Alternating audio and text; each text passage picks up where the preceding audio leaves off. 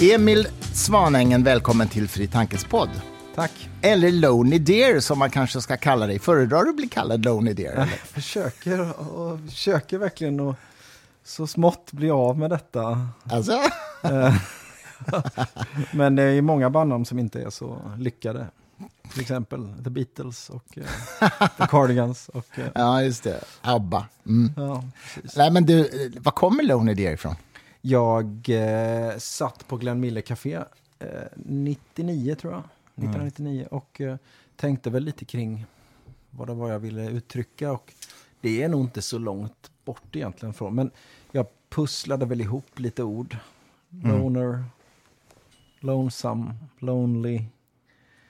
Eh, men det som är det roliga är att jag hela tiden har bortsett från det mest uppenbara ordet, nämligen loony. Good point, good point. Ja, Eh, och det är har väl seglat upp nu som en, så att det, det är det det borde heta egentligen. Men du, jag, jag vill prata med dig förstås om ditt musikskapande, men också din, din relation till vetenskap och filosofi. För mig känns det som att det där är väldigt sammanvävt i dig på något sätt. Men vi kanske ändå ska börja, vi ska börja från början, höll jag på att säga. När du var ung, när du var barn, va, va, hur såg din intressesfär ut då, som sen utvecklades till det som det är idag? Så, vad, var, vad var din starting point som barn, så att säga? Som, som, som, I alla fall så, som, som du själv upplever det, som har lett fram till där du är idag. Alltså jag... Det, det fanns ju ett starkt teknikintresse. Vad, nu, vad nu det betyder egentligen. Men jag tyckte att det var ofantligt spännande med syntar. Redan som femåring. Och, och vi, gick i musikaffärer och kollade på saker. Och det. Så det var ändå teknik i kombination med ljud i någon mening? Ja, För det var inte bara teknik och, teknik och musik. Ja. Och även liksom allt dig, digitalt. Det här är alltså 85, det som är en guldålder ehm, för teknik. För att det, allt var möjligt och ingenting var möjligt samtidigt. Mm, mm. Eh, Jag minns man hade en sån här Porta-studio, fanns det Ja. något som hette, som var ja, ja, gammalt idag, men det, jag, jag hade någon sån också vid den ja, men det, det började i det, någonting i det där tekniska. Och jag antar att, jag brukar ibland tänka kring det där med intressen och kring em, egenskaper i en population. Att om man krymper ner det till en by, Mm. då behövs det någon med ett hetsigt temperament som är uppe på nätterna och om vi backar långt tillbaka då, klubbar ner folk som försöker besöka byn på natten. Det behövs folk som eh, får psykoser så att de kan fylla byn med det andliga innehållet. Ehm, Det behövs nördar Ja. som uppfinner saker. ja, precis. Och tekniken där och att det är, det är en del av vad, vad en del av byn behöver förmodligen. De där som, som brinner för att utveckla saker.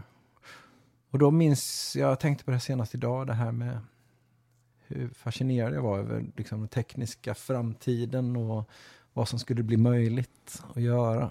Och ehm, just den här eh, aspekten av att allting skulle bli så fantastiskt när det gick att göra vilken grafik som helst. Men det visar sig att det, det är inte riktigt på det sättet, utan det finns en anledning på opera att man har en scenografi där man kanske flyttar en vägg. Mm. För det, det, det är begränsningarna som är det är begränsningarna som är det spännande och hur man väljer att förhålla sig till dem. Mm. Det där är intressant alltså. Du, du menar att, eh, att, det, handl, att själva konsten är att i, konsten ligger i begränsningen, så att säga. Är det så du Ja, tänker? eller vilken ram man väljer att sätta, Mm. sätta på det, tror jag. Mm. Eh, Men det var ändå, det var ändå teknik... Alltså, eh, eh, skulle du definiera dig som tekniknörd när du var barn? Ja, Jag var väl konstruktör liksom. Mm. Och, och klart att alla byggde ju lego, men det var ju, det var ju lite religion för mig Du faktiskt. byggde mer lego än andra kanske? Och, Eller eh, större saker, eller? Ja, inte större saker, Nej. men jag tyckte det var väldigt spännande med bygga liksom scenografier nästan i, Mm. i lego. Det är så intressant. Det finns ju en forskare som heter Simon Baron Cohen som har skrivit en bok som heter på svenska mönstersökare. Alltså människor som gillar att se mönster. Och det, man brukar ju tala om det här Asperger autismspektrat och det finns ju liksom, det är ju ett stort spektra. Man kan ha lite, lite tendenser eller väldigt mycket att säga. Men jag minns att arbetstiteln på hans manus från början, innan den kom att heta Pattern Seekers på engelska, det var Wired for Science. Han menar att den typen av hjärnor är liksom wired for science. Och det, det finns någonting, någonting väldigt sant i det, tror jag. Att eh, Människor som ser mönster, som tycker om att konstruera, de har också en fallenhet för att förstå vetenskaplig metod, vetenskapliga resonemang, analys och sådär. Va? Och det är Eller ju hur? där jag faktiskt... Det här skulle kunna misstas för pretentiöst, men det är faktiskt inte det det betyder. Utan jag ser också musik som en del av vetenskaperna. Och eh, vilket innebär att... Nu är ju grundforskning ett jättespännande fenomen det här med att forska utan att veta vart man är på väg. Och Mm. eh, jag antar att också att i vetenskapen att man ibland måste man forska på de självklara sakerna och kanske dubbelkolla Mm. vattnets kokpunkt eller vad det kan vara. Ja, ja, Eh, men, men om man liksom tar det till hur man brukar se på det så är det ju det att, att spela någonting som man själv har spelat förut eller någon annan har gjort förut utan att förändra det är ju, det ger ju ingenting till mig. Nej. Och jag tycker att det är väldigt inspirerande med en publik men det är inte dem jag spelar för. Är det så? Så Sen blir en- jag lite sådär, jag blir lite, jag upp, börjar uppträda. Men det är ju inte egentligen innehållet, utan det är ju kanske att jag sträcker på mig lite och, och skojar med dem. Men, Mm. men just eh, själva innehållet och hur jag förhåller mig till vad det är man ska göra, det är... Jag är, jag är nog direkt respektlös där mot publiken faktiskt. Okej, men, men menar du att när du gör en konsert att du egentligen är inne i din egen bubbla, så att säga? Då? Ja, jag Det, det är en väldigt trygg plats. Sen kan det ju vara en otrygg plats om inte förutsättningarna är, om de är väldigt krångliga. Liksom. Kanske en, ja, en konsert där nå- någonting annat stör. Ett, ett annat ljud stör. Eller kanske två konserter som pågår samtidigt utomhus. Sådär. Men, men eh, ja, jag tycker det är helt fantastiskt. Men okej, men du, du börjar i alla fall med ett, ett teknikintresse och syntar och så vidare. När, när började du upptäcka så att säga, musikaliteten i dig själv? då? Ja, Men det verkar ju som att den i människor, den bara finns där från början. Så att jag, den var väl där direkt, antar jag. Kan inte minnas att jag upptäckte någon gång att, att, det, var, att det var kul med musik, utan Nej. det känns som det jag har. Tänker du om människor generellt att människor har egenskaper nästan som essenser? Det är ju nästan lite jungianskt att tänka så. Ja, jo men det måste ju vara så. Faktiskt. Ja, okej. mm. Det, sen klart att det finns en massa färdigheter. Det, jag, jag vet ju själv hur otroligt okunnig jag är på musik, så att det är klart att, att eh, det här... ehm, ja, jo, men fallenheten för den är nog, den är nog där, Mm. om den är där. Och eh, Hur gammal var du när du började spela piano, så att säga? det gjorde jag nog kanske, vad kan jag ha varit, 15, 16. Och det var ju väldigt, det, var, finns ju ingen koppling till syntarna där, utan... Nej. ehm, Så innan dess var det syntar? Alltså? Nej, jag, jag spelar allt möjligt. Jag spelar klarinett i musik, musikskolan. Och, Mm. eh, eh, men jag har inte övat piano förrän för några år sedan. Utan jag har bara fuskat mig fram. Mhm. Och när jag kom in på musikskolan var det för att jag spelade en fin låt. Så att jag liksom tog mig in på lyriska kvaliteter snarare än spelmässiga. Alltså en låt som du hade skrivit själv? Ja, precis.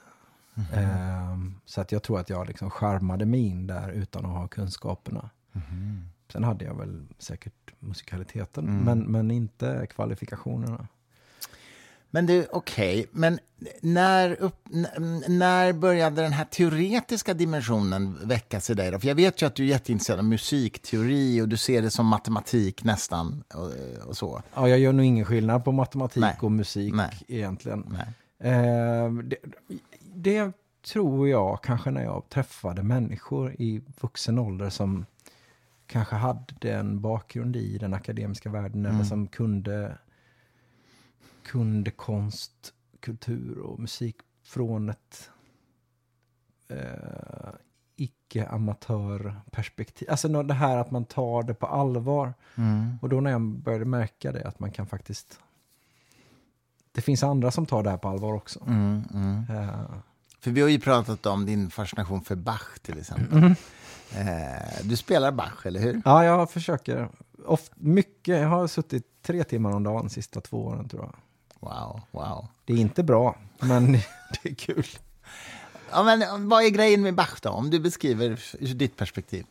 Nej, men för mig var det en känsla av att jag ehm, var... Jag kände att jag var, ehm, ska jag säga, för dålig. Jag kände att jag inte satt på några kunskaper, att jag...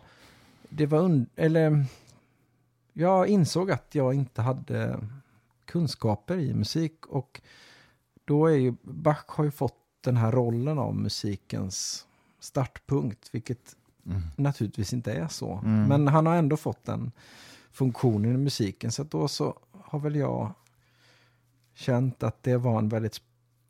Jag drogs till den punkten och började där. Det som är roligt med Bach är att det är ju musik som är ganska befriad från yttre känslor. Mm, mm. Ganska mycket av musiken tycker jag saknar melodi till exempel. Okej, Det är inte sant eftersom att det bara är melodier, men, men att det faktiskt är, det är ganska, det är en ganska kontrollerad och avmätt hållning till musik. Eh, Och väldigt matematisk är den ju. ja, Mm. eller estetisk kanske man ska kalla det för, men det är ju väl kanske samma sak. Det, ja, precis. Jag, jag tycker ju det. Jag är Ja. matematiker i botten och, och har ju en stark estetisk känsla för matematik. och jag tror att du har det också. Ja, men det, nej, det är verkligen, och, och jag, nu, nu har jag liksom fått så många liksom, musikchocker av den här musiken, så det, jag blir inte lika förvånad längre när det är någonting jag upptäcker att, att det här var ju, det här var ju häftigt. Och den här, har någon suttit och gjort det här före, liksom före penicillinet och eh, tvålen. Det, är- det, det är helt fantastiskt. Och då så kände jag det att det här måste, jag måste lära mig lite. Jag är, jag är både okunnig och obildad. Och när du säger lära, menar du dels lära dig liksom teoretiska, men också att spela Bach? För det är ju en fingerfärdighet i det såklart. Ja, det är... Fingerfärdigheten har kommit lite på köpet.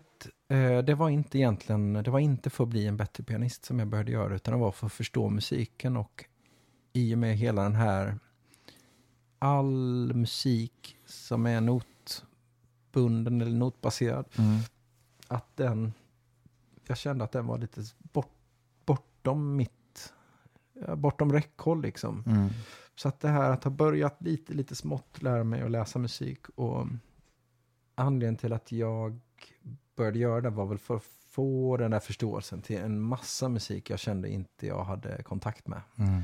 Och ehm, ehm, ja, jag, jag, jag insåg hur otroligt lite jag visste. Mm.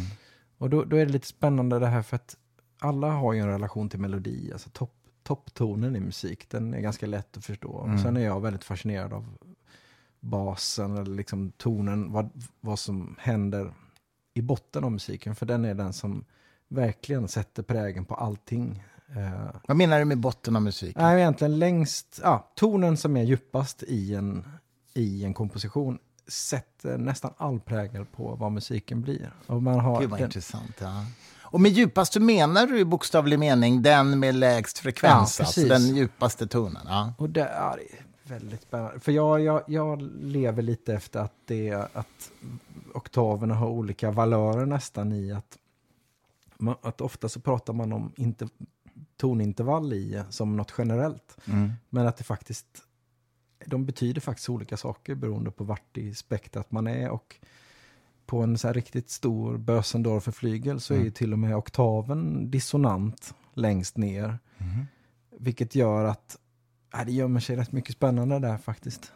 V- Mm. Vad menar du med att den är dissonant? Alltså, Jag menar att den börjar liksom...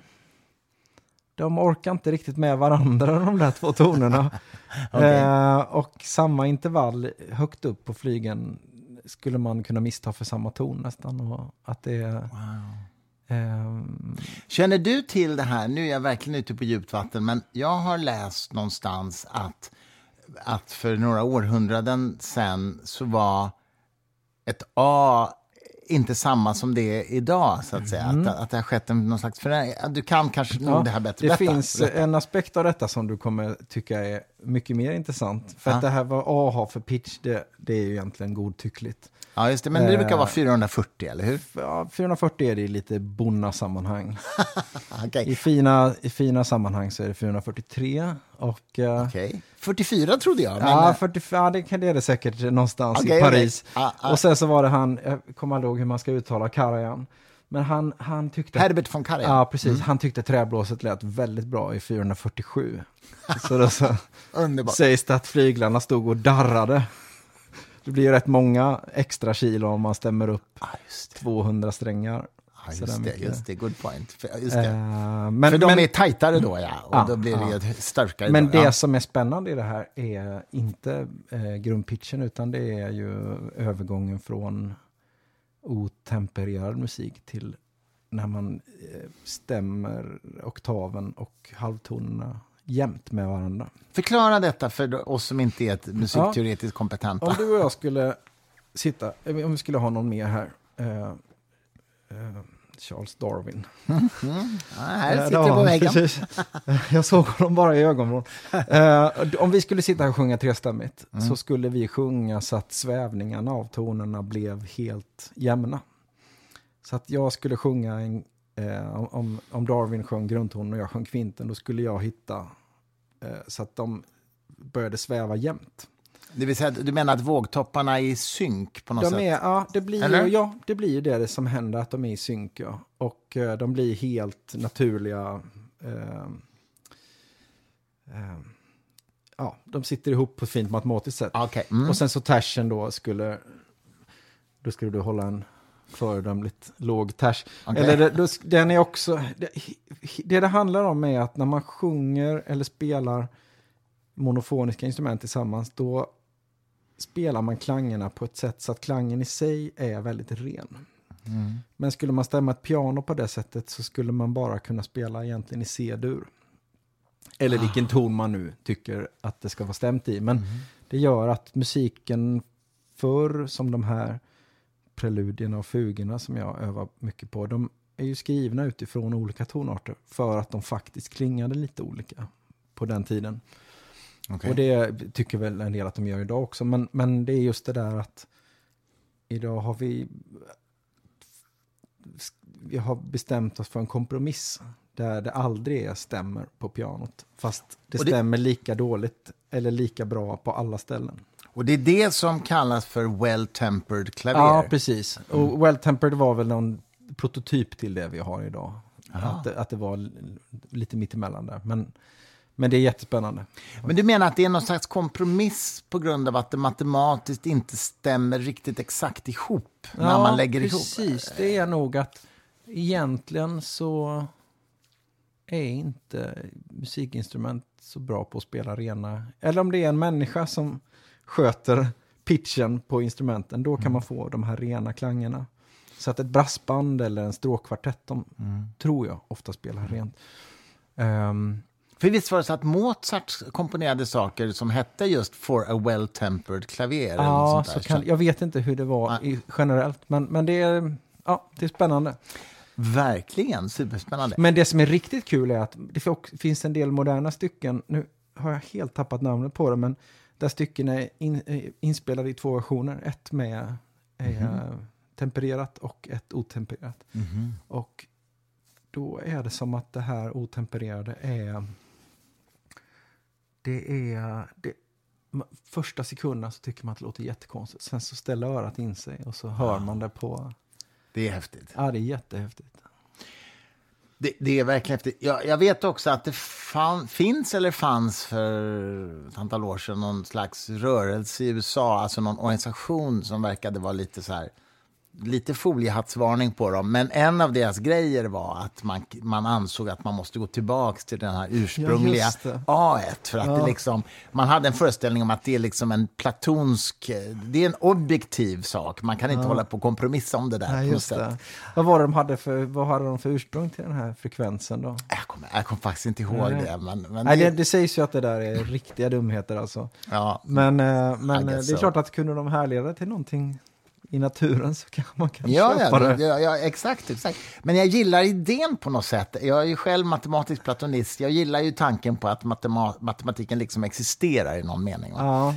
Eh, Men där behöver vi ju då sekunder för att kunna mäta frekvens. Men sekunderna finns Mm. väl ingen naturlig definition av? Va? Visst är det så? nej, det tror jag inte. Precis, det tror jag du har de, rätt i. de är godtyckliga. Men våglängder är ju inte godtag... Men längd är väl också tid nu för tiden? va? Är det inte så?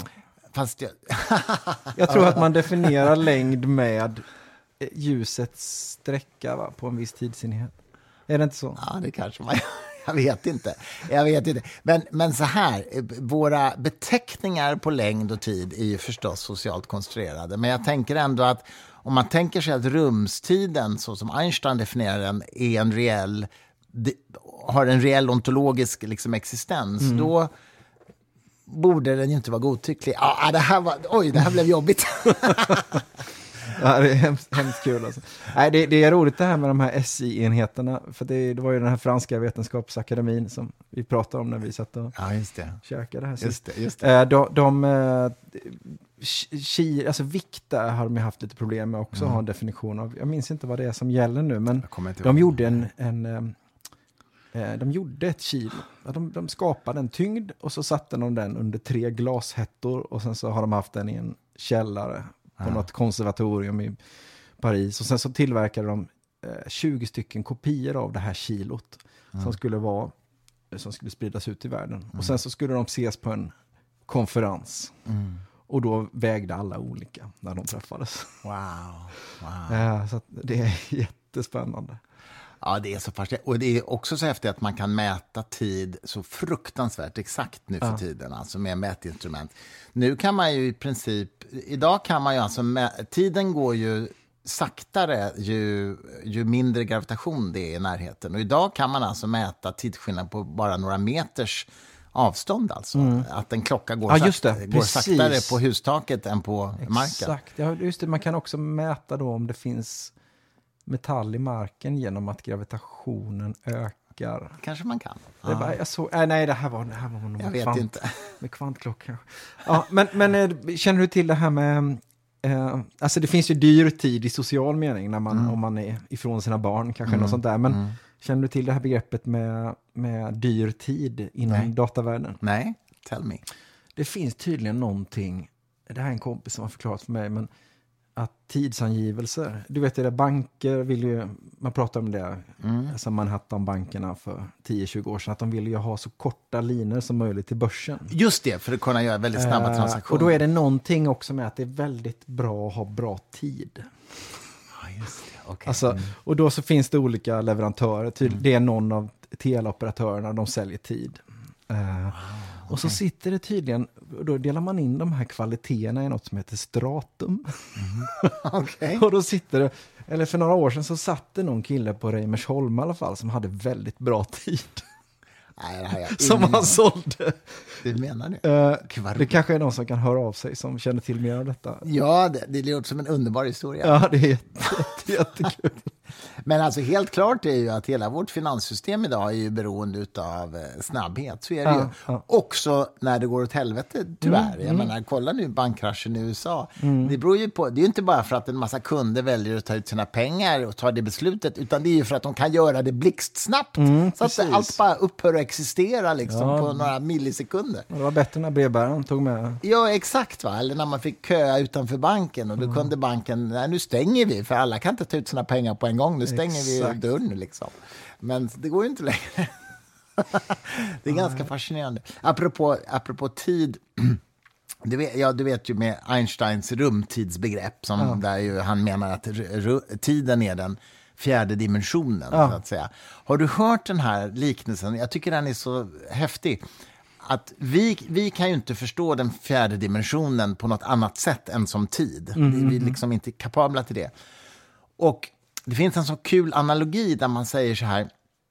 Det, är samma sak, det skulle vara samma sak för en tvådimensionell varelse som försökte förstå tre dimensioner. De skulle också förstå den som tid. Har du hört talas om det här någon Mm, gång? Ja, men låt mig berätta, för det är ganska kul. Eh, Jag fick en aha-upplevelse när jag hörde det här första gången. Vi tolkar den fjärde dimensionen som tid och så säger det här tankeexperimentet en tvådimensionell varelse skulle tolka vår tredje dimension som tid på följande sätt. Tänk dig att det finns tvådimensionella varelser. De lever följaktligen i ett plan, så att säga. Va? Det finns inget djup. Det finns längd och bredd, men ingen, inget djup. De existerar i ett plan utan tjocklek, för de har bara två dimensioner. Okej, anta att vi tredimensionella varelser så att säga, vet om att de finns i det här planet. Hur fan ska vi visa dem tre dimensioner? Och då kommer kanske någon på den snillrika idén, ja men vi visar dem ett klot. Så vi håller upp ett klot ovanför det här planet. Det märker ju inte de, därför att ingenting utanför planet existerar ju för dem. Okej, hur ska vi få dem att förstå hur ska, hur ska vi visa det här klotet för dem? Jo, vi måste föra klotet genom deras plan. Okej, så vi för det här klotet, mm, försiktigt kanske, sakta men säkert, genom deras plan.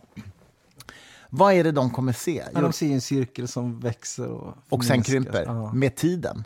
Med tiden. Så de säger, ah, den tredje dimensionen, det är en cirkel som förändras med tiden. Ja. Just Visst är det, det. är ganska elegant? Ja, verkligen. Så tiden är den tredje dimensionen för dem. Det är, jag tycker ju tidsdimensioner är rätt spännande när man gör platsangivelser. Att eh, backar man lite i sitt liv och alltså, besöker samma plats flera gånger under sitt liv. Då är ju den här, heter den Z? Nej, vad heter tidskoordinaten? Ja, X, Y, Z? Nej. Den heter något annat. ja jag vet inte. Den är ju väldigt påtaglig i ens liv. Nu har vi bara förmågan att röra oss åt ett håll längs Ja. tidsaxeln, men det är spännande. Ja, antagligen. Vi vet ju inte, kvantfysiken sätter ju upp en del nya fenomen där som, som än så länge... Nej, men när jag, när jag, jag hade varit i Paris och spelat på Operan. Vi fick en beställning att skriva musik till världens äldsta stumfilm. Mm. Då läste jag en bok av um, Ulf Danielsson och så Mm. var det liksom en litteraturlista i slutet. Så då satt jag där på hotellrummet och så beställde jag de här fem böckerna. Mm. Det var ju katastrofalt för mitt mående att läsa de här. Eh, Ja, det är fantastiskt. Ja, det var bland annat det här Kip Thorne-boken om eh, Black Holes and Time Warps. Det var Mm. inte nyttigt för mig att läsa. det. Jag blev väldigt olycklig. Men då, då fick jag en insikt när jag liksom tänkte mycket på det här och tänkte kring väldigt stora avstånd Mm. i rymd. Vad tänkte du Då, då? då, då fick jag den här insikten om att liksom, zoomar man ut då, då är det svårt att skilja avstånd och tid från varandra som begrepp. past times things go wrong.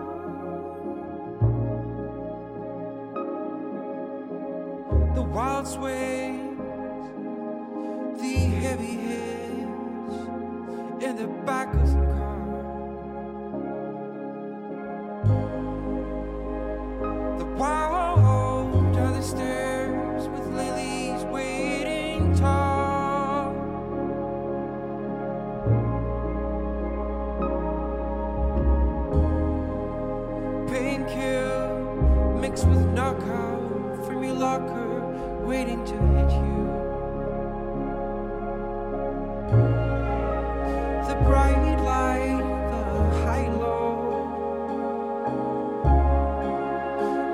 sinister,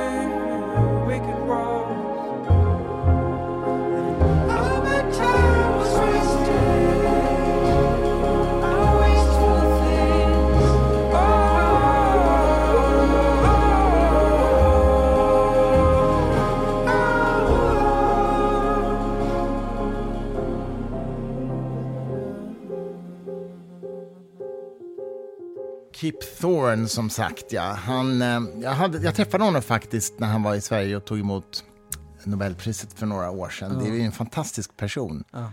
Han var ju advisor till Interstellar-filmen bland annat. Ja, den var ju otrolig faktiskt. Eller hur, alltså? Men, men du, eh, det, jag vill också, vi, vi ska prata mer om, om vetenskap, men jag vill inte missa att också tala om din uppväxt och relation till frikyrkan. eh, berätta om den.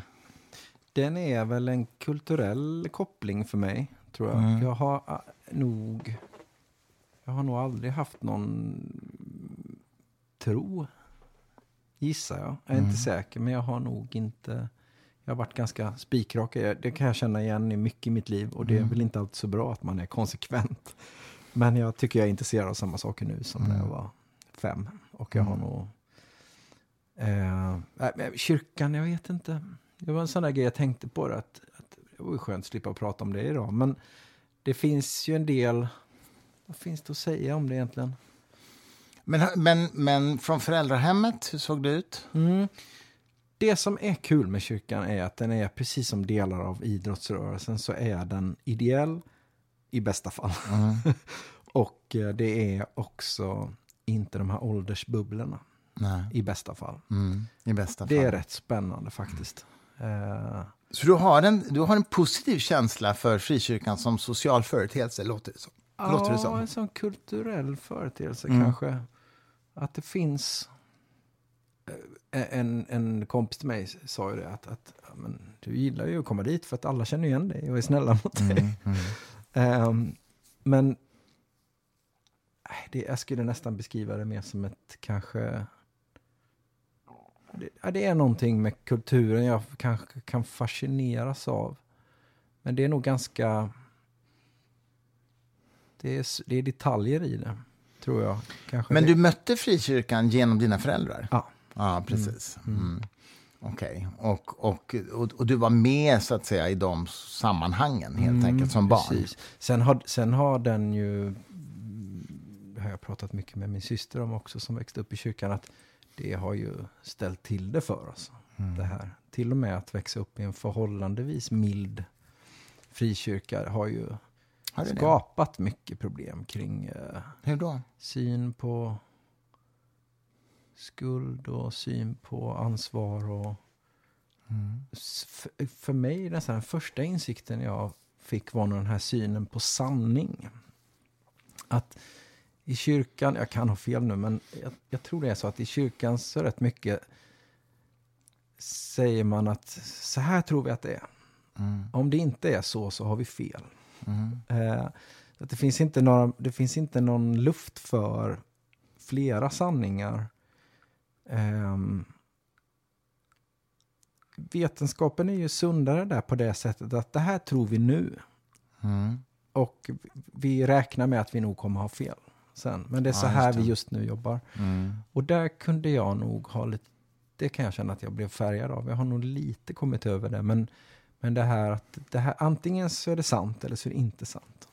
Och eh, Ja, just det. Jag förstår vad du menar. Jag skulle nog kanske kalla det lite annorlunda. Jag skulle, jag skulle säga att vetenskapen håller ju på med... det håller på med mer eller mindre välgrundade hypoteser och teorier, så att säga. Och den är alltid beredd att, att, fy, att modifiera dem, eller i vissa fall till och med byta ut dem. Det är det du menar ja, egentligen? va? precis. Jag tänker ändå att själva sanningsbegreppet, alltså så här, att, eh, jorden, det var fortfarande sant att jorden var rund när alla trodde att jorden var platt. Ja, Men de hade fel. Men sanningen var ju att jorden var rund. Ja. Den- har, sanningen har aldrig ändrats. ja. Förstår du vad jag menar? Eh, I, men, I en tredimensionell värld i alla fall. men, men jag förstår vad du menar, därför att i, i åtminstone en del religiösa sammanhang så, så, så finns det ju en dogmatik, så att säga. En slags dogmatisk inställning att vi vet att det här gäller och det spelar liksom ingen roll vilka argument som framförs. Jag, jag har i alla fall mött en del sådana. Jag har till exempel mött kreationister inom frikyrkan som inte accepterar evolutionsläran till exempel. Och, och, och, och jag, de har till och med i vissa fall sagt till mig att det spelar ingen roll vilka argument du ger för evolutionen. Jag kommer ändå inte tro det. Och det är ju för mig en, eh, en djupt antiintellektuell hållning, Ja. så att säga. Jag har tänkt väldigt mycket på evolutionen och det som är så lustigt med, för det, är man kallar det en teori eller? Vad säger man? Evolution, alltså evolutionen är ju en teori i samma mening som gravitationsteorin är Ja, en teori. precis. Eller, eh, Precis. Vi, mm. vi, vi anar någonting kanske. Men jag, jag liksom tycker att det är en, jag tycker att det är en väldigt rimlig eh, idé. Mm. Så att jag, jag liksom, jag tror ju på den i, eh, utifrån något slags eh, intuitivt. Men det som är så roligt är att, att många andra vetenskapliga grejer är ju rimligare än religionen. Men, men just att evolutionen är så sjuk så att den är inte konst, den är lika konstig som kreationismen egentligen. Att, att det är ju lika svårt att förstå att, eh, Mm. Att evolutionen har skött saker själv som att det skulle finnas en gud inblandad. Så att jag tycker att den är, den är, Mm. den är helt ridiculous. evolutionen. Det är ett roligt perspektiv. Ja, men jag faktiskt. tycker det är häftigt det här med... Jag lyssnade på en podd om tetrapoderna, heter de väl va? Alltså de första, egentligen alla eh, våra släktingar som har fyra, alltså två armar eller två ben eller fyra Mm. ben. Att, att de fiskarna som gick upp ur havet, de hade de här egenskaperna med fyra, fyra ben liksom. Men eftersom att evolutionen aldrig tittar framåt, den har aldrig någon plan. Mm. Eh, så måste det varit de här egenskaperna gynnade dem Mm. under vattnet också. Mm. Men, men jag tycker det är så spännande det här att inte det, evolutionen har ingen vilja. Men i efterhand så har den det. Mm. Eh, vilket är ganska hisnande. Ja, äh, det, det är otroligt fascinerande. Jag håller med dig. Jag, tänk, jag tänker så här, för första tror jag att det är viktigt att man kommer ihåg att själva ordet teori betyder ju olika saker om man använder det i vetenskap, som vetenskaplig term eller om man använder det i vardagsspråk. För att om jag säger i vardagsspråk så här att ja, mina, min snöskyffel har blivit stulen i garaget men jag har faktiskt en teori om vem det är som har snott den. Då menar man ju att jag, har, jag, jag tror att jag vet vem det är som har snott den och jag har vissa argument för det men jag är inte säker. Liksom. Men i vetenskapliga sammanhang så är ju begreppet teori, det säger ingenting om hur mycket evidens man har. Alltså du kan ha en vetenskaplig teori som du har ganska lite evidens Mm, för. Och du kan ha en vetenskaplig teori som har väldigt, väldigt mycket evidens. Mm. Och, vilket ju evolutionsteorin är ett sånt exempel. Så när religiösa personer säger så här, ja men evolutionsteorin det är ju bara en teori. Så tror de att det, liksom Mm. Det. Mm. att det är ett försvagande begrepp. Men det är det ju inte. Förstår du vad jag menar? Ja, ja, visst, visst. Men det enda sunda är väl att förkorta bort Gud ur evolution. Alltså att det är ju, de, de är ju inte motverkande idéer. Ehm, Alltså, en, en gud kan existera även om evolutionsteorin är korrekt. mm, och den är så elegant. Den är så jag tycker det. Exakt, den är så elegant. Och, och, och det, det, precis, det här är så viktigt. Va? Människor som vill tro på en gud, de kan göra det även om de accepterar evolutionsteorin. Det enda som det innebär är ju att Gud inte interfererar Mm. med hur eh, liv har utvecklats på jorden. Så att säga. Ja. Men det andra du sa är också väldigt spännande. Att, att evolutionen är ju...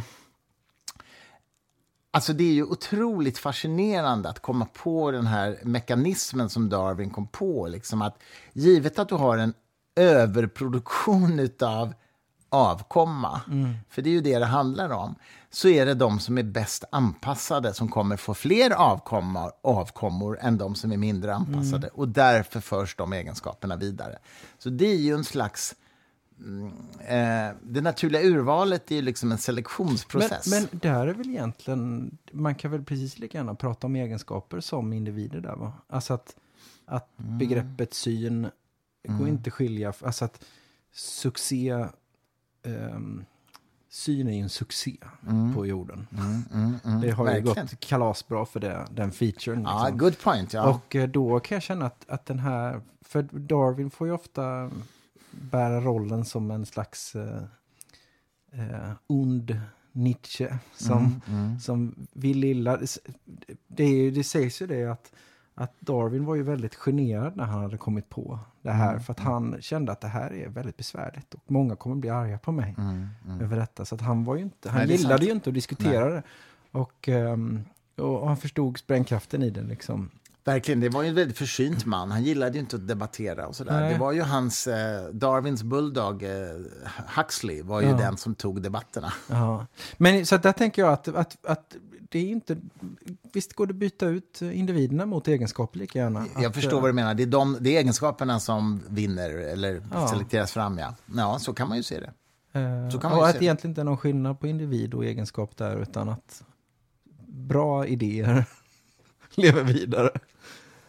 Richard Dawkins har ju myntat begreppet mem, Mm. som ju är just en idé som evolverar och som sprids. mm. Eh, alltså motsvarigheten till gen, fast Mm, som, på, i, i idévärlden, så att säga. Det är ju Dawkins eh, begrepp som han har Ja. skapat. Precis. Och det, jag, jag förstår verkligen vad du menar. En annat argument som man hör från kreationister ibland är ju att de säger så här att, att evolutionen skulle producera eh, liksom sådana so sofistikerade, komplexa eh, varelser som nu finns på jorden. Det är lika sannolikt som att en, eh, en orkan skulle storma in på ett skrotupplag och liksom virvla ihop allting till en Boeing 747. Och grejen är att när man säger det så har man ju inte förstått hur revolutionen fungerar. Därför att jag har, jag har ett exempel på det, att, um, eller som jag brukar använda när jag föreläser, det, att om du tänker att du har 20 tärningar i handen och kastar dem, hur stor är chansen att få 20 sexor? Ja, den är ju i stort sett obefintlig. Den är 1 genom 6 upp till 20. Eller alltså, ja, skitsamma. Det, så du skulle få hålla på i miljoner år för att lyckas med det.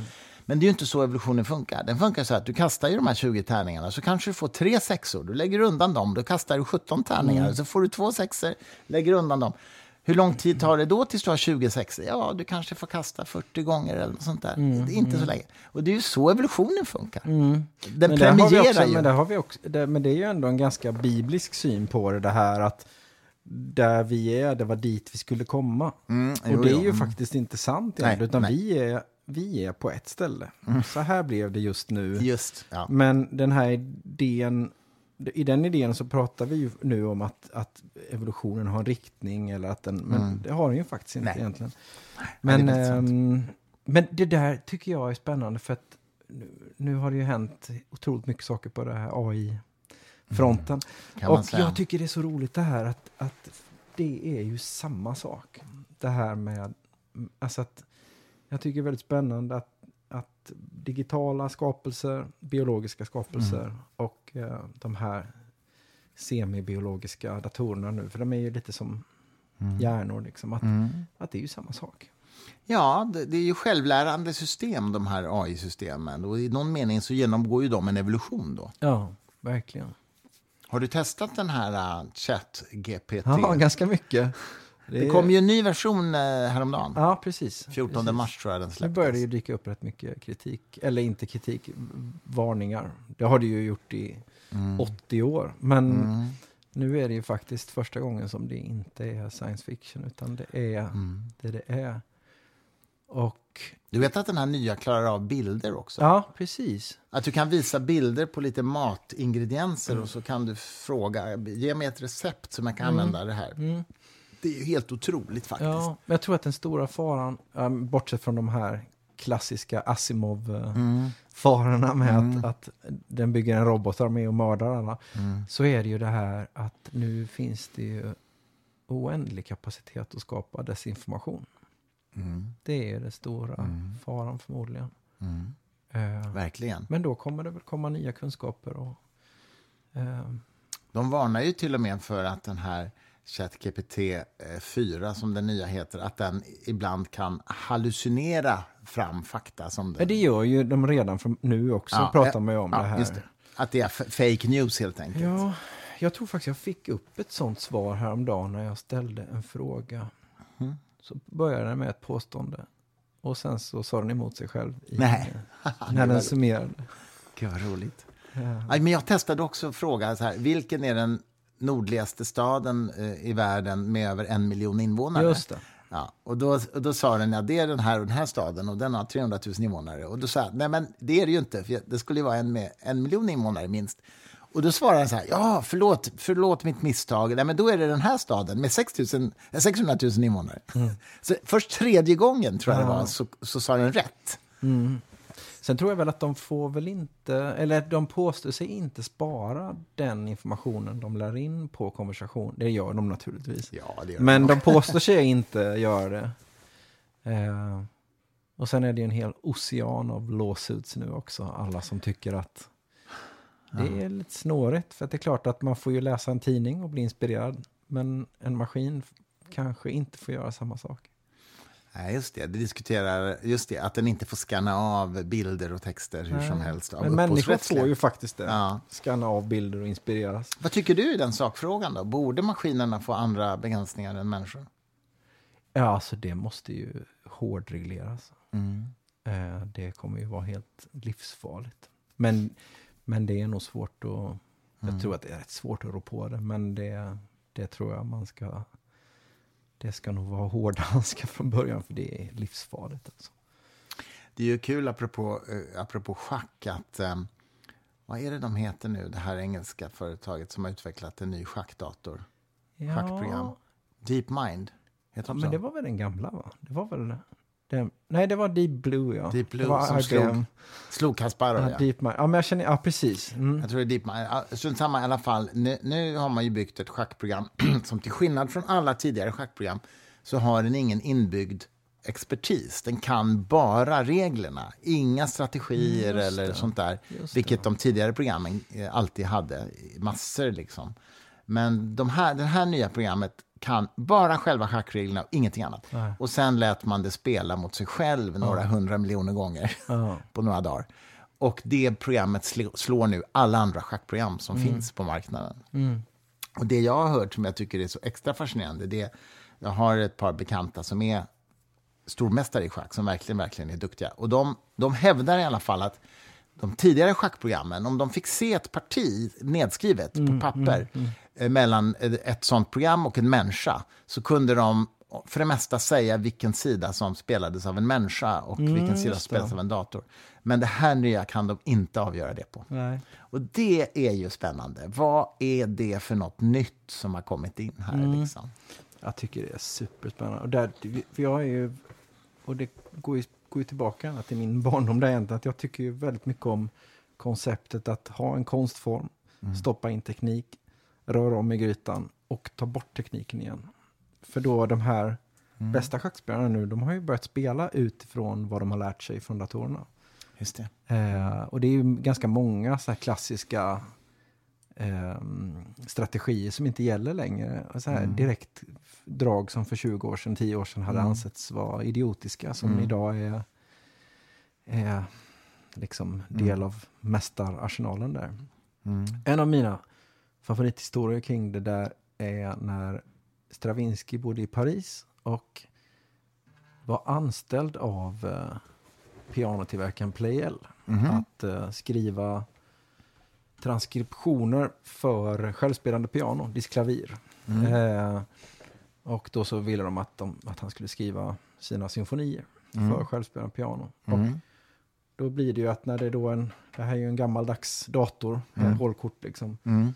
Mm. Och då skrev han ju det på ett sätt som inte går att spela på piano. För att det var ju liksom femhändigt kanske. För att han kunde ju plutta in hur mycket toner Ja, som helst. det. Ja, det. Mm. Och det som är det ytterst fascinerande vet att då när pianisterna hörde det, då, då apade de ju efter det. Och så löste de ett sätt att skapa det där sättet, det de hörde i det här disklavir eh, musiken, att, att då fick man lösa det utifrån sina begränsningar, men att, att man hade stoppat in en helt ny idé om musik genom tekniken. intressant. Ja, jag förstår. Och sen kan man plocka bort tekniken igen och då har man helt ny musik. Och då har de gjort någon form av liksom workaround för att Ja. få det att låta så likt som möjligt i alla fall. Ja, och det är ju, musik är ju ganska praktiskt på det sättet att man, vi kan ju bara hantera tre idéer samtidigt musikaliskt. Så har man en melodi, en bas och ett ackord, då är det fullt sen i hjärnan. Eh, så det är ju ganska mycket musik man kan faktiskt tolka med två händer. Eh, Gör du detta när du komponerar? Att stoppar in teknik och tar bort den sen? det I- i är nog länge sedan jag gjorde det. Nu är jag ytterst gammaldags. Okej. Eh, Just i det här att jag tycker 1700-talet är det mest spännande som finns. Men jag tycker att det är... Ja, nu, men nu använder jag väl min egen maskin istället i huvudet. Och så, så dopar jag mig med eh, Voltemperites klavir. Och sen så spelar jag det så mycket jag orkar. Och sen så stoppar jag in min musik i samma huvud. Och sen så kommer det ut i händerna. Så att det är väl att, då, ja, på ett sätt har jag kört igenom ett system i alla fall då. Mm. Ja, Hur går det till i praktiken när du, när du komponerar? Liksom? Sätter du dig ner vid ett piano och bara släpper tanken fri och känner dig fram? Men hur går det Ja, till? alltså, det som, det, så som det just nu går till är att man upptäcker de stora mästarna och sen så börjar man öva på den här mästerliga musiken och Mm. så slutar man att skriva egen musik. Så jag har inte skrivit någonting på två år. Eh, Okej. så att jag är i studier just nu. Jag, jag är student. Är du inte, finns det inte en risk med det också? Att du liksom... Möjligt. Jag, jag brukar alltid se det som vart, vart slutar parabeln. Liksom. Och klart Ja. att om parabeln slutar långt efter min död så att jag inte får uppleva någonting kul, då, då är det ju fel. Då har jag siktat fel. Liksom. Ja, ja, jag. Men jag, jag har alltid siktat 15-20 år framåt. Mm. Liksom. Okej, Och, eh, intressant. och, ja, jag har mycket, väldigt mycket att lära. Och, Du eh, ser det som en lärjunge just nu. Det är en sån fas Ja, alltså. det gör jag. En obildad lärjunge ser mig som. Ehm, och eh, jag, jag är också lite av... För jag är ganska ointresserad av det här att vara tilltalande på vissa plan. Mm. Men, men ehm, jag, jag är ganska mycket av den här tron att man får den uppmärksamheten man förtjänar. Eller brist, brist på uppmärksamhet. Annars kanske man kan få den då. Men, men just det här att ja, men, jag kan inte begära att någon ska vilja lyssna på det här. Jag har inte, jag har inte lärt mig någonting än. Jag har massor kvar att få in innan, innan den skarpa versionen släpps. Fast du har ju gjort en massa Ja, jag har gjort saker. musik som i alla fall jag tycker är fantastisk alltså, och som går att höra på Spotify. Så det är klart att du har ju en, en katalog. Liksom. Ja, det har jag.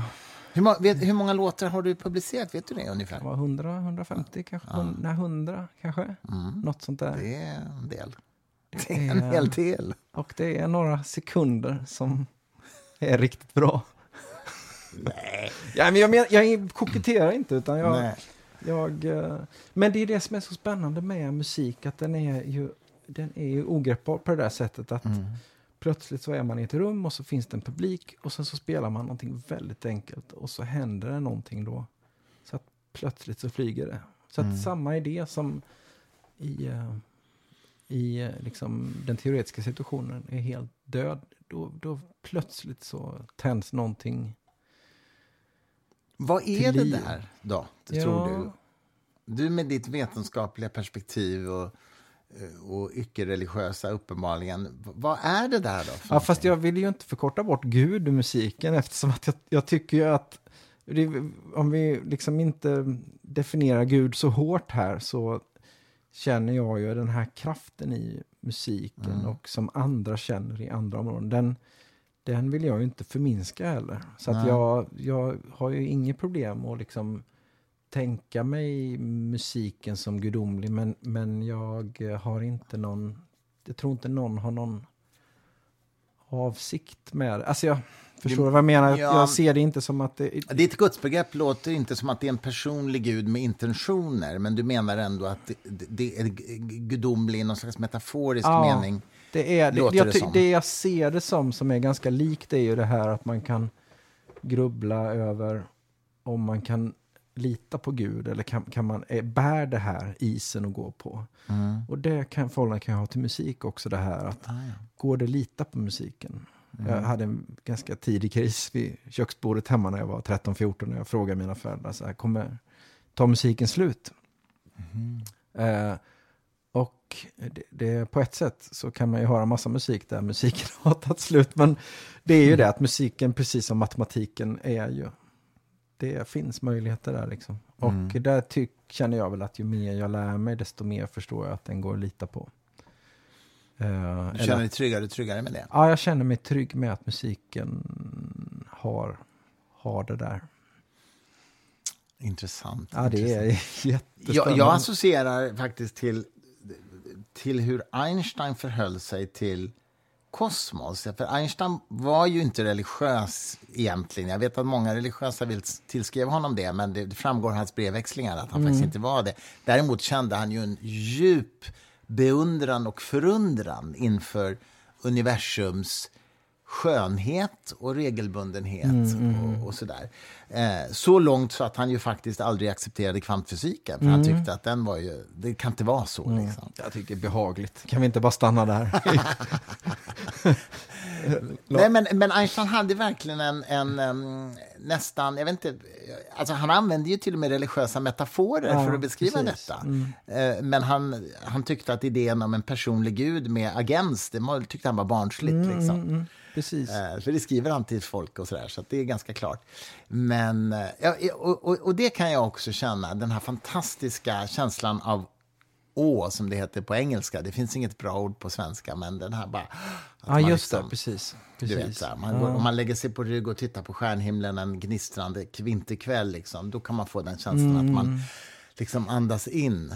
Existentiell svindel. Ja, precis. Ja, men det, det är väldigt påtagligt för mig med musiken. Ja, det är det jag anade jag, det jag du sa. saknade tillit till musiken och nu med att ha sett vad som är möjligt liksom, och sett vad lite jag kan och vad lite jag behöver kunna och bidra med. Att eh, otroligt skönt att släppa den här idén om att man ska vara någonting. Utan jag vill förstå saker och sen så vill jag gärna ha det som yrke för jag älskar det. Du vill ha det som yrke i alla fall. I den Ja, meningen vill du är- kunna leva på det. Ja, det är jätte, jätteviktigt. Mm. Eh, men det, den liksom, drivkraften säger ingenting om hur stora utgifter jag får ha. Så att jag, jag, har liksom alltid varit väldigt inställd på att, att eh, inte liksom, det inte kommer bli fett. Liksom. Men, Mm. eh, men nej, för mig är det att få, få jobba med det där. Mm. Det är din passion. Ja, liksom. det är det sannerligen. Men du, hur... Jag vet ju att du, att du är fascinerad av matematik och vi, när vi såg sist pratade vi om Gödel, för du har just Ja, läst precis. en biografi om Gödel, Ja. som vi nu ger ut på svenska eh, dessutom. Eh, eh, en Gödel-biografi. Vad är det som fascinerar dig så mycket med, med den matematiska filosofin som ju Gödel sysslade med? Ja, men jag, jag, min, min relation till matematik är ju det att jag... Eftersom att jag behövde leva billigt så bodde jag på studentboende och gjorde skivor på mitt studentrum. Väldigt tyst fick man vara. Mm, mm. Eh, och då någon gång skrev jag in mig på matematikkurs och insåg efter två dagar att det här är ju fruktansvärt tråkigt. Alltså, alltså så fruktansvärt tråkigt. Så då bestämde jag mig för att det här är, jag ska liksom blicka in i horisonten när det kommer till matematik och fysik. Att jag, vill, jag kommer träffa människor så kommer jag prata med dem om vad de gör. Och eh, Gödel har jag ju, jag, jag förstår väldigt lite av det. Och jag, är, jag vill, jag fascineras av det. Och, eh, men jag känner liksom ingen, jag känner ingen nöd av att jag inte förstår det. Utan det där är någonting med att skymta saker och ana horisonten. Och, eh, och sen han som person är Mm, fascinerande. Mm. fascinerande. Det här att han höll på att nästan inte bli amerikansk medborgare för han tyckte konstitutionen inte satt ihop logiskt. Nej. Det gör den säkert inte, men, men, men att... Ja, jätte, jättespännande. Och sen tycker jag det är ganska gripande också det här att han fick sina stora, eller sin stora idé när han var 21. Var han väl, va? Ja, jag tror det. Något Sen sånt. gick ju resten av livet ut på att, att liksom sörja att han inte Mm. kom upp i den höjden igen. Det är ju ofta så med matematiker att de pikar i den åldern. Ja. De riktigt stora matematikerna som gör stora insatser, de, ja, de pikar i den åldern. Mellan Ja. 20 och 30 i alla fall. Men, men eh, visst, men sen så kom han ju till Princeton eh, och eh, umgicks ju med Einstein Ja. fram till Einsteins död. Alltså, Ja. vandrade med honom i parken där Mm. stort sett varje dag och pratade. ja, häftigt alltså. Ja, det, ja, det var en häftig man. Nej, men det är väl någonting med Gödel, tycker jag i alla fall, är att han, han, hans förhållande till matematiken är liksom inte bara instrumentellt, utan den blottar någonting om matematik. Liksom den blottar någonting om existensen på något sätt. Det här med att sanning är inte samma sak som bevisbarhet, utan det är något, sanning är någonting mer än det. Det är något platonskt i det där som är väldigt vackert, tycker jag. Eh, och kittlande. Just för att det är en slags Ja, det är någon slags horisont. Sen är det väl också med matematiken som ju musiken delvis har, men kanske musiken har ju lite mer funktion ibland.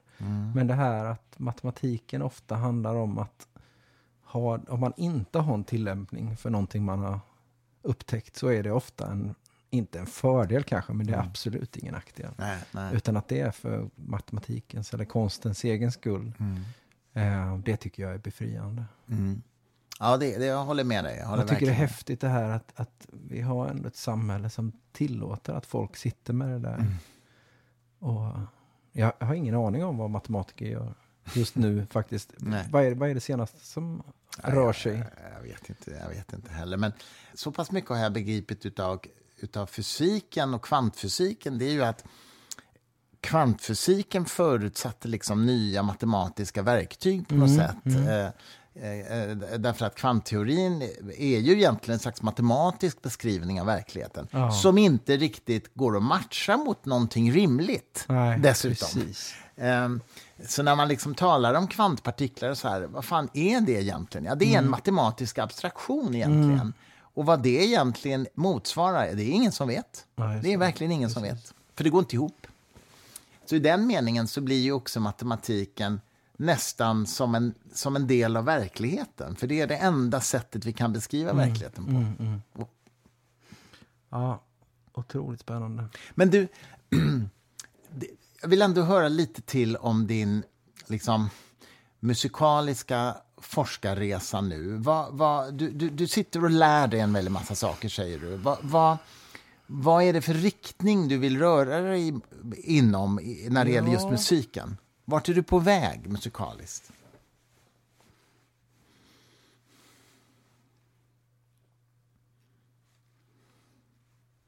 Ehm, jag vet inte riktigt, men jag vet att när jag började turnera, då, då hade jag ett moment i konserten ibland där, där jag liksom gillade att ställa mig framför mikrofonen istället. Eller att här, koppla ur mitt instrument och ställa mig och så ehm, skapa, suggerera fram en känsla av att nu är det bra.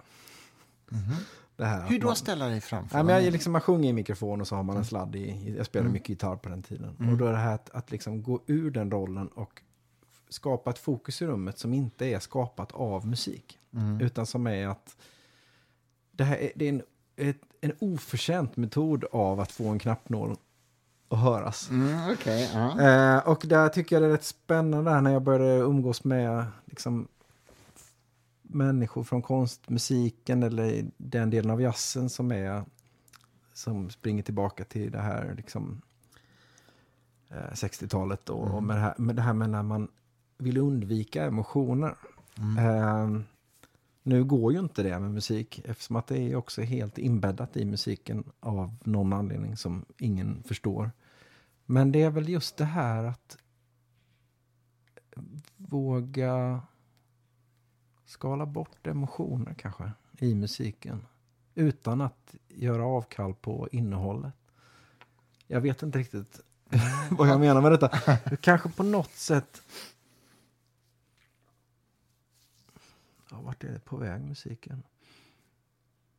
Varför Jo, vill... mm. jo, det är ju det här kanske att det här med enkelheten och att skala bort saker. Det är ju egentligen bara ett utan påverk för att jag är ju intresserad av fortfarande det här polyfona och om man ska kalla det kontrapunktiska, alltså att det, att det, att det är välkomponerat, att det händer saker mellan fingrarna liksom. Förklara begreppet kontrapunktisk för lyssnarna. Vad Ja, jag, det? jag är så obildad, men det betyder egentligen att det är två fristående stämmer. Ja. Eh, Som, som uppfattas som två separata Ja, melodier. precis. Framför allt att de uppfattas som separata är det, det, är det allra viktigaste. men att de sen då lirar ihop på ett sätt som är Ja, speciellt. Ja. Det. Bach var väl eh, specialist på det. Ja, han var specialist på det. Och Mm. ehm, ehm, ofta när man ser så här listor på vad, vad, vad som i modern musik, vad som är kontrapunktiskt, då är det ofta väldigt bra musik. Okej. så att det, Ja, intressant. eh, nej, det är ett väldigt spännande begrepp. Mm, sorry. Mm, Jag gör ett naturligt klipp här. Naturlig klipp här. Mm. Eh, Mm. det är ett spännande begrepp på det sättet att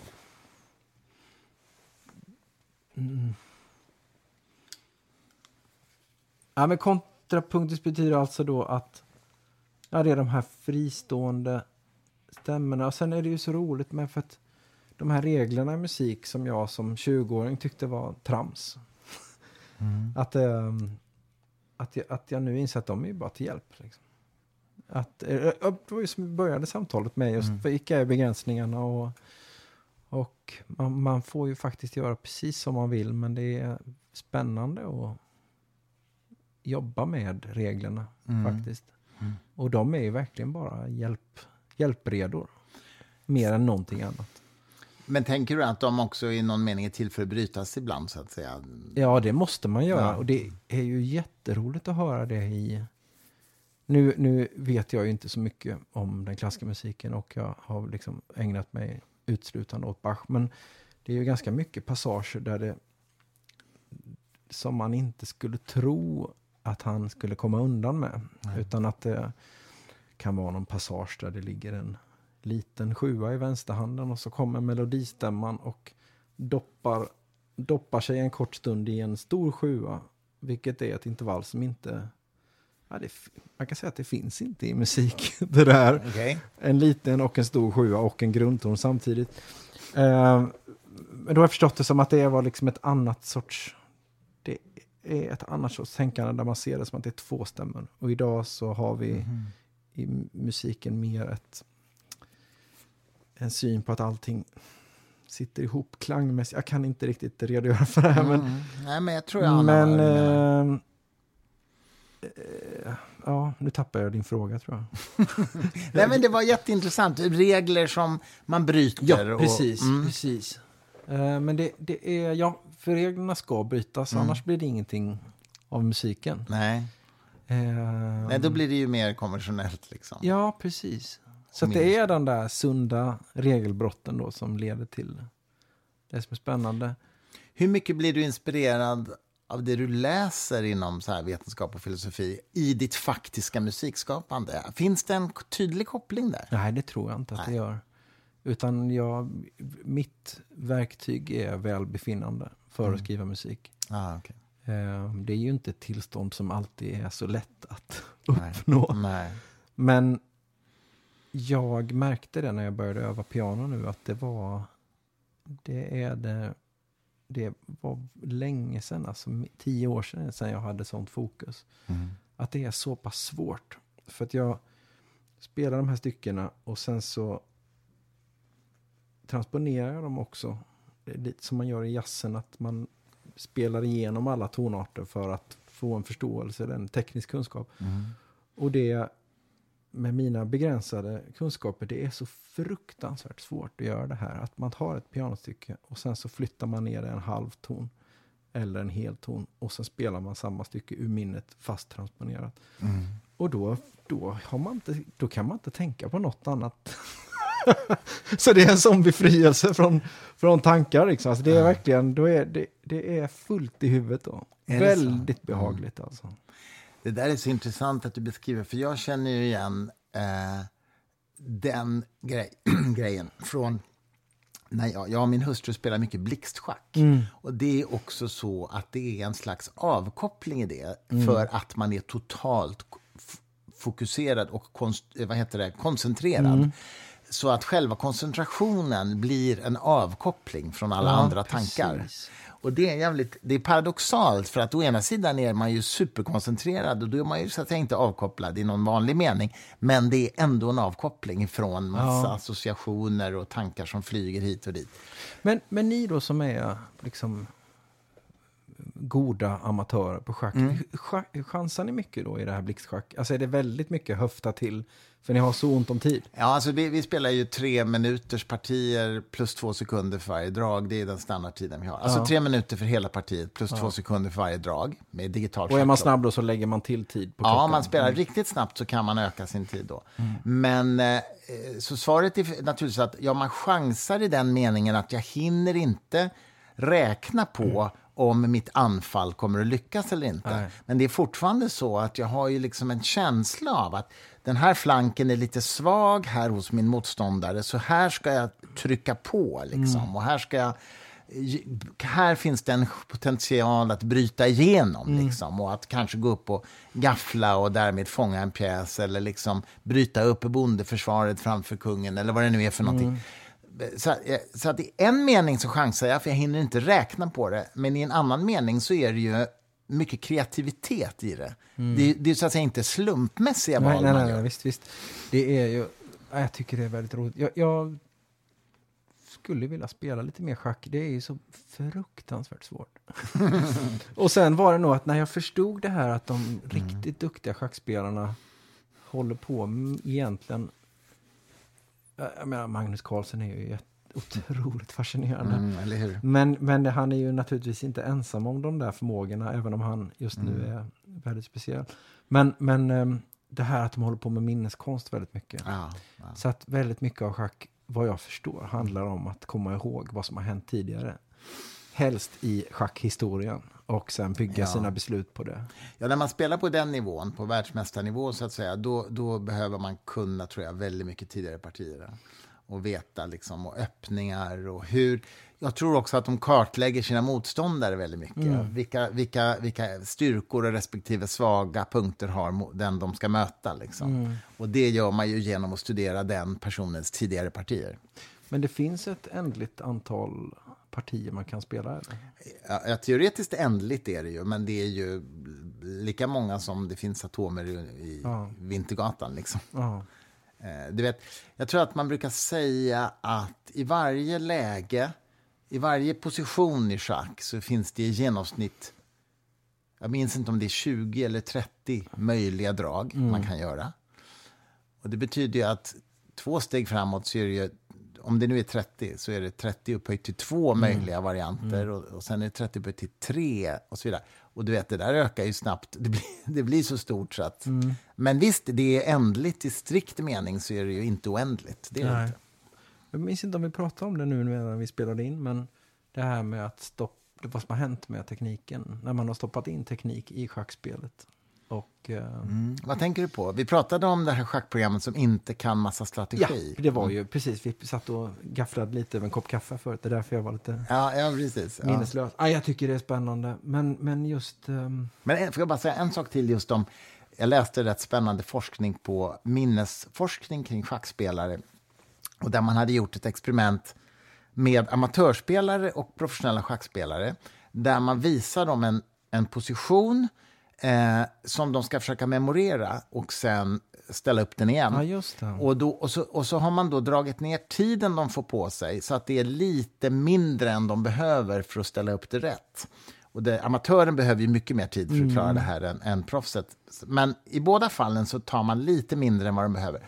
Och då visar det sig att amatören ställer upp vissa pjäser rätt och vissa helt fel. Medan proffset som inte lyckas göra riktigt rätt, han eller hon ställer... eh, Bi, vad heter det? bibehåller de centrala relationerna mellan pjäserna men ställer det kanske på, lite på fel ställe på brädet. Men vad det här visar är helt enkelt att det en proffsschackspelare memorerar det är inte var pjäserna står utan det är deras inbördes relationer.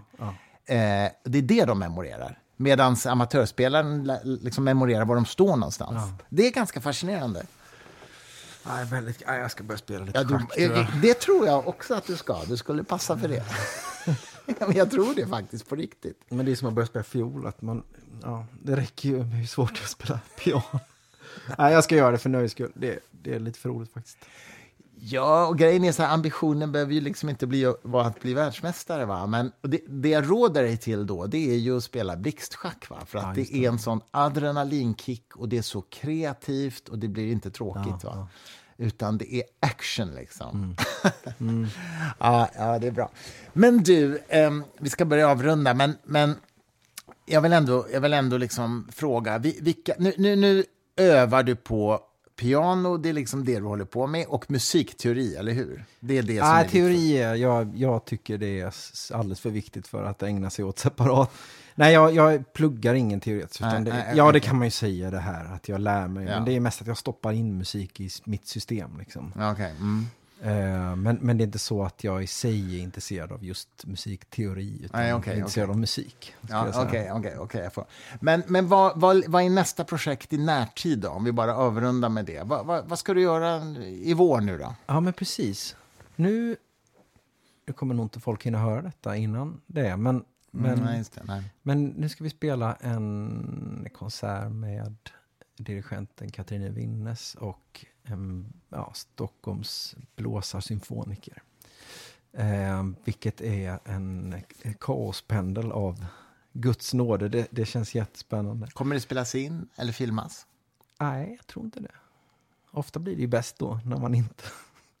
Det är som, kvant, ja, som kvantfysik, att om man inte mäter...